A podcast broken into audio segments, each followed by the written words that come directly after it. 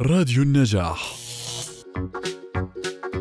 دكتور هناك دراسات تقول أن المراهق يشعر بنقص الثقة بنفسه فهو دائما يشك في قدراته يجعله بيجعله هذا الإشي إنه يرفض المهام الموكلة إليه أو المطلوبة منه مثل ما تكلمنا هلا. شو أسباب آه، الفسي... الأشياء الموجودة عنده اللي بتخليه إنه يكون هيك؟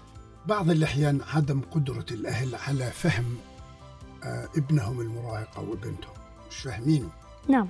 لأنه له هموم مختلفة. وينظر له كراشد وهو ليس ذلك.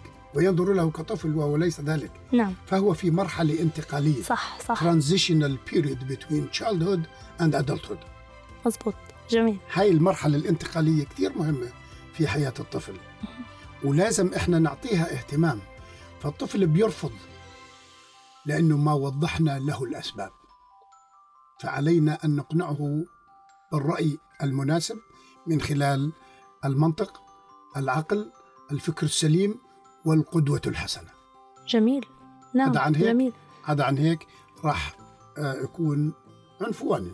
وفي هذه المرحلة أيضا العنف خطير جدا على الأطفال في هذه المرحلة.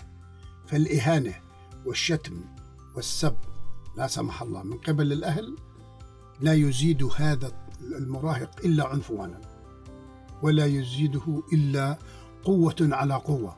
نعم. وهو الأقوى صحيح. الأسرع والأقوى. صحيح. ولذا يلجأ إلى العناد فإن نجح في ذلك سوف يكون معاندا because it works and it solved the problem. مهم. لأنه قدر يحل المشكلة بالعنف وهو يلجأ إلى العنف كوسيلة للحل. مم. ولكن المشكلة أعمق. أما إذا أردنا أن نحل هذه المشكلة فعلينا بالتفاهم والسؤال البناء والاهتمام والإصغاء. نعم نعم. إذا علاج مشكلة الثقة بالنفس عند الأبناء هو الاهتمام و نعم. العلاج أيضا هو ليس فقط الاهتمام نعم. لوحده. الثقة بالنفس قسم منها بسيط موروث.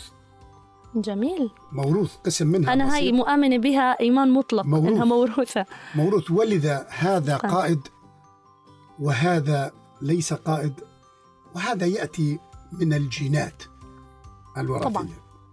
ثم تأتي دور البيئة والبيئة دورها مهم وكبير. آه، فكلما كانت البيئة حاضنة لهذا الفرد يصبح أقدر على تخطي هذه الصعاب ويمر بمرحلة المراهقة وكأنها لم تكن. ولكن يحدث إشكاليات في مرحلة المراهقة عندما تكون الآباء غير مصغية متسيبة غير مهتمة ليسوا قدوة حسنة ومن هنا من مأمنه يؤتى الحذر. صحيح. الأهل بيكونوا سبب المشكلة.